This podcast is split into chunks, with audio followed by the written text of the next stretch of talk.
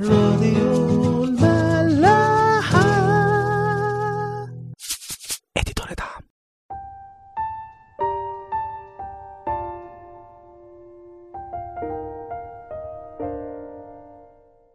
أهلا بيكم في حلقة جديدة من برنامج عيش وملح. كنا ابتدينا امبارح في الإصحاح ال17 من سفر صمويل الأول اللي بيحكي قصة داوود وجولياط.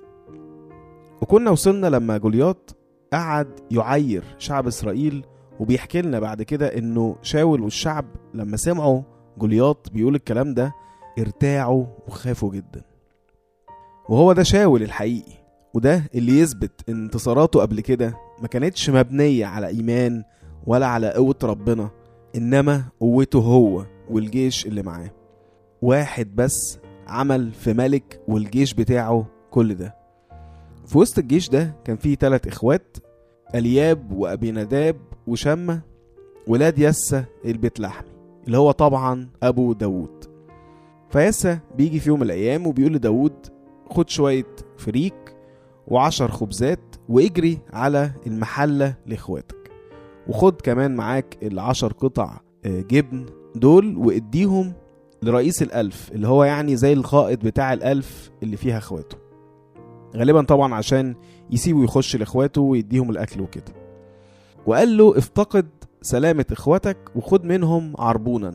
يعني أي حاجة منهم تثبت إن هم عايشين عشان يطمن عليهم يعني. وكعادة كل ولاد ربنا في الكتاب لما يجوا يعملوا أي حاجة إن هم يبكروا فيها. يعني يروح الصبح بدري ما يكسلش ولا يأجل لأن الحاجة بتبقى على قلبه. فيقول لنا في عدد عشرين فبكر داود صباحا وترك الغنم مع حارس وحمل وذهب كما أمره يس وأتى إلى المتراس والجيش خارج إلى الاصطفاف وهتفوا للحرب. بعد ما بيقول لنا إنه بكر يقول كمان إنه ترك الغنم مع حارس. شوفوا غنم داود دول كانوا حياته. وهنشوف ده في باقي الإصحاح بعد كده. إزاي داود كان مهتم بيهم وأمين عليهم.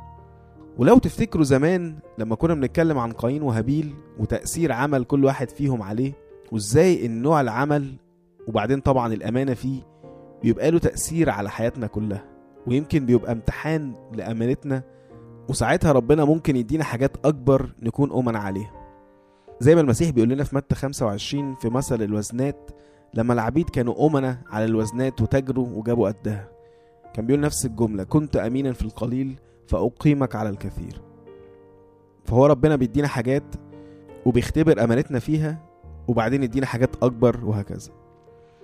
وداود رغم إنه كان صمويل مسحه ملك وعارف إنه هيكون ملك في يوم من الأيام إنما فضل زي ما هو راعي غنم. وأبوه يقول له يروح ياخد أكل لإخواته يروح عادي يعني. وده يوري كمان التواضع اللي كان عند داود. إزاي المسحة اللي أخدها دي كانت دافع ليه إنه يكون أحسن ويرضي ربنا أكتر مش تكون عائق أو سبب إنه يتكبر على الناس أو يتميز عليهم. في رسالة كلوسي الصح الثالث بولس يقول في عدد 23 وكل ما فعلتم فاعملوا من القلب كما للرب ليس للناس. عالمين إنكم من الرب ستأخذون جزاء الميراث لأنكم تخدمون الرب المسيح. وده اللي عمله داود فعلا. حتى الحاجة البسيطة اللي أبوه طلبها منه راح بدري جري على أخواته في وادي البطن. وعشان بس نبقى متخيلين لو فتحنا خريطة إسرائيل في الوقت ده هنلاقي المسافة ما بين آه، بيت لحم اللي هو كان عايش فيها داود ووادي البطم اللي كان فيها الحرب مسافة 30 كيلو تقريبا. وهو رايح ماشي على رجليه وشايل كل الأكل ده لإخواته والرئيس الألف ووصل ولقى الجيش بيجهز للحرب. ووقف الإسرائيليين والفلسطينيين قدام بعض. داود شاف الدربكة دي راح سايب اللي كان معاه مع حافظ الأمتعة. يعني برضو شوفوا التفاصيل بتاعة الكتاب إزاي بتبين شخصية كل واحد. داود الأمين على الغنم بتاعه لما مشي سابهم مع حارس الأول. ولما راح لقى الحرب هتبتدي مرتبكش ورمى اللي معاه وجري لا ده ساب اللي معاه مع حافظ الأمتعة وده يورينا إزاي داود كان رغم سنه كان تقيل ما كانش متهور أو مندفع. ويقول لنا بعد كده إنه ركض يعني جري للصف عشان يطمن على أخواته زي ما أبوه وصاه. ده جاي جري 30 كيلو وأول ما شاف اللي بيحصل ده ما قدرش يرتاح ولا يستنى أخواته بقى لما يخلصوا الحرب. لا جري وراح عليهم عشان يطمن عليهم زي ما أبوه وصاه. وفي وسط كل ده بيطلع جولياط تاني ويعمل اللي كان بيعمله لمدة الأربعين يوم اللي فاتوا. كل يوم كان يصبحهم ويمسيهم على إهانات وتعيير. وزي كل مرة كل رجال إسرائيل خافوا وجريوا منه. بس المرة دي كان في حاجة مختلفة إن داود سمعه فطبعا الموضوع لفت نظره. مين ده مهما كان اللي بيهنا ويهين الإله بتاعنا؟ وسمع الناس بتتكلم بقى في الموضوع وإن شاول عمل مكافأة للي يقتل جولياط. وده طبعا كان آخر شاول يعني بدل ما يصلي لربنا إنه يديلهم قوة ويهزموا الشخص اللي عمال يذل فيهم ده وبدل ما يحس بالغيرة على ربنا ويروح هو يحاربه بنفسه خاف. وبالتالي كل الشعب خاف من وراه. ولجأ شاول الحل ده يمكن حد يتحمس للمكافأة دي ويقدر يقتله. بس طبعا محدش بيروح.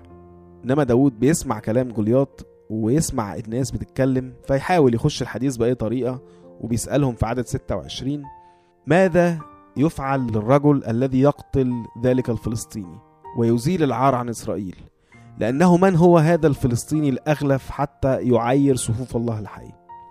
طبعا هو داود ولا فرق معاه المكافأة ولا حاجة وده بيبان في كلامه أصلا إنه اللي فرق معاه العار اللي بقى على إسرائيل بسبب تعيير جولياط ويسأل مين ده أصلا عشان يعير صفوف الله الحي.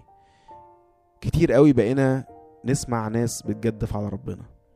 ومش بس أي كلام لأ ده كمان يمكن يقول كلام يثبتنا ويكون في تحدي لإيماننا كله واللي ربنا اللي هو المفروض جوانا. بس بنعمل إيه ساعتها؟ بنحس بإيه؟ هل بنقول عادي إحنا مالنا؟ أو لا في حد غيرنا يرد عليه دي مش شغلتنا إحنا؟ ولا بنغير على ربنا زي داود ويا ترى لو حسينا حتى بالغيرة بتبقى غيرة على ربنا فعلا؟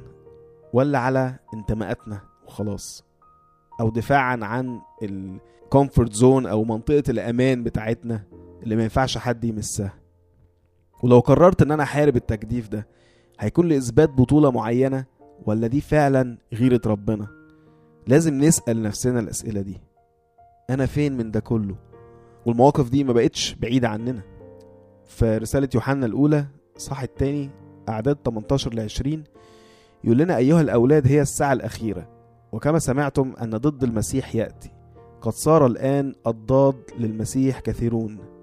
من هنا نعلم أنها الساعة الأخيرة. منا خرجوا لكنهم لم يكونوا منا. لأنهم لو كانوا منا لبقوا معنا.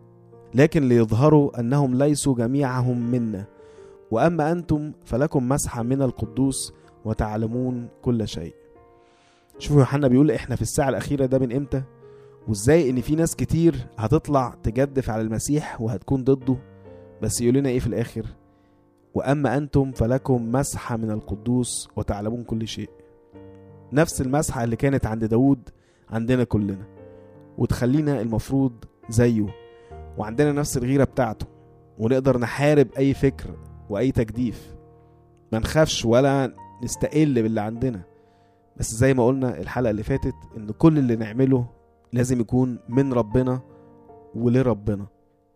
نرجع لقصتنا بعد ما داود بيسألهم بيرد عليه ويقولوا له المكافأة اللي هي إنه شاول هيجوزه بنته وهيخليه غني وهيخلي بيت أبوه حر يعني ما يكونوش عبيد عند أي حد. مين بقى بيسمع كلام داود مع الناس؟ ألياب أخو داود الأكبر وبيغضب جدا وبيقول له في عدد 28 لماذا نزلت؟ وعلى من تركت تلك الغنيمات القليلة في البرية؟ أنا علمت كبريائك وشر قلبك لأنك إنما نزلت لكي ترى الحرب. يعني بيقول له أنت إيه اللي جابك هنا؟ وسبت لمين تلك الغنيمات القليلة؟ غنيمة اللي هي تصغير غنم. وقليلة كمان. يعني هو كان بيحاول يصغر من شأن داود بكل الطرق. وراح قال له أنا عارف أنا الكبرياء بتاعك وشر قلبك وأنت جاي هنا عشان تتفرج على الحرب وبس. يعني من الآخر كده بهدله. واضح هنا طبعا إن ألياب ما كانش طايق داود غالبا من ساعة ما صمويل اختار داود دونا عن إخواته كلهم واللي هو ألياب نفسه كان المفروض أكبرهم وهو كان أولى إن صمويل يمسحه ملك. فاللي هو أنت ورانا ورانا كفاية عليك بقى شوية الغنم بتوعك دول وسيب لنا إحنا الحرب وما تحاولش تبقى بطل علينا هنا. وغالبا كمان داود كان حكى مغامراته في الدفاع عن الغنم بتاعه. اللي هيحكيها لشاول كمان شوية لأبوه وأخواته. وأكيد يا إما ما كانوش بيصدقوا أو بياخدوه على قد عقله أو كمان الموضوع قلب بغيرة منهم وخصوصا من ألياب الأخ الأكبر. شوفوا الغيرة عملت إيه في الناس في كل الكتاب. من أول غيرة قايين من هابيل فقتله. وبعدين غيرة إخوات يوسف منه ورموه في البير وبعدين باعوه للتجار اللي رايحين مصر. وهو الياب بسبب غيرته دي كان هيمنع الخلاص عن شعبه. يعني هو مش خايف على أخوه مثلا ولا فارقه معاه جولياط واللي بيعمله بس لأ. أنت إيه اللي جابك؟ ارجع للغنمات اللي أنت سبتهم. لو في قلبك أي غيرة ناحية حد أو أي أفكار وحشة لازم تحاربها من بدري وتشيلها من قلبك. عشان هيجي يوم هتزيد قوي وهتطلع مع أقل موقف. المسيح بيقول لنا كده في لوقا 6 آيات 43 ل 45 لأنه ما من شجرة جيدة تثمر ثمرا رديا ولا شجرة ردية تثمر ثمرا جيدا. لأن كل شجرة تعرف من ثمرها فإنهم لا يكتنون من الشوك تينا ولا من العليق عنبا. الإنسان الصالح من كنز قلبه الصالح يخرج الصلاح والإنسان الشرير من كنز قلبه الشرير يخرج الشر فإنه من فضلة القلب يتكلم فمه. داود بيسمع كلام أخوه وحتى لو استغرب من رد فعله بس بيرد بوداعة جدا. بيقول ماذا عملت الآن؟ أما هو كلام؟ يعني أنا عملت إيه دلوقتي؟ ده أنا مجرد اتكلمت. وبيسيبه ويروح لحد تاني ويقول له نفس الكلام. وبينتشر بقى الموضوع بسرعة إن في واحد عايز يحارب جولياط وبيسمع شاول بالكلام ده فبيطلب إنه يشوف داود وبيجيبوه له. والغريب إن شاول مش بيتعرف على داود مع إن المفروض داود كان بيلعب له على العود وقت ما كان بيجيله الروح الرديء عشان يهدى. يمكن من الروح ده شاول ما بقاش في طبيعته ولا بيفتكر اللي بيحصل أو من كبرياء شاول إنه مش بيفتكر الناس اللي بتخدمه. أهو زيه زي أحد تاني. المهم داود بيقول لشاول نفس الكلام وإن محدش يخاف بسبب جولياط أنا هروح وهحاربه. فشاول بيشوف داود كده فيقول له ما ينفعش تروح أنت غلام لسه صغير يعني وهو رجل حرب منذ صباه. فداود بيقول له لا ما يغركش منظري ده. وبيحكي له بقى المغامرة بتاعته وهو بيحمي الغنم. هنلاقي من أول عدد 34 فقال داود لشاول كان عبدك يرعى لأبيه غنما. فجاء أسد مع دب وأخذ شاه من القطيع. يعني هي القصة من أولها حتى ما تصدقش. أسد ودب بيجوا مع بعض وياخدوا شاه أو غنمة من القطيع. وبيحكي إيه بقى داود بالتفاصيل إيه اللي حصل. فخرجت وراءه وقتلته وأنقذتها من فيه. ولما قام علي أمسكته من ذقنه وضربته فقتلته. قتل عبدك الأسد والدب جميعا.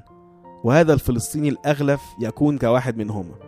لأنه قد عير صفوف الله الحي. وقال داود الرب الذي أنقذني من يد الأسد ومن يد الدب هو ينقذني من يد هذا الفلسطيني. فقال شاول لداود اذهب وليكن الرب معك. القصة دي تورينا بقى الثقة اللي كان جايبها داود دي منين. مش زي ما أخوه كان بيقول إنه متكبر إنما لأ ده عنده خبرات مع ربنا وفاكرها كويس قوي فيوم اتحط في موقف افتكر الخبرات دي وبقت التجربة اللي هو عدى بيها في يوم سبب لمجد أكبر والخلاص لشعبه النهاردة.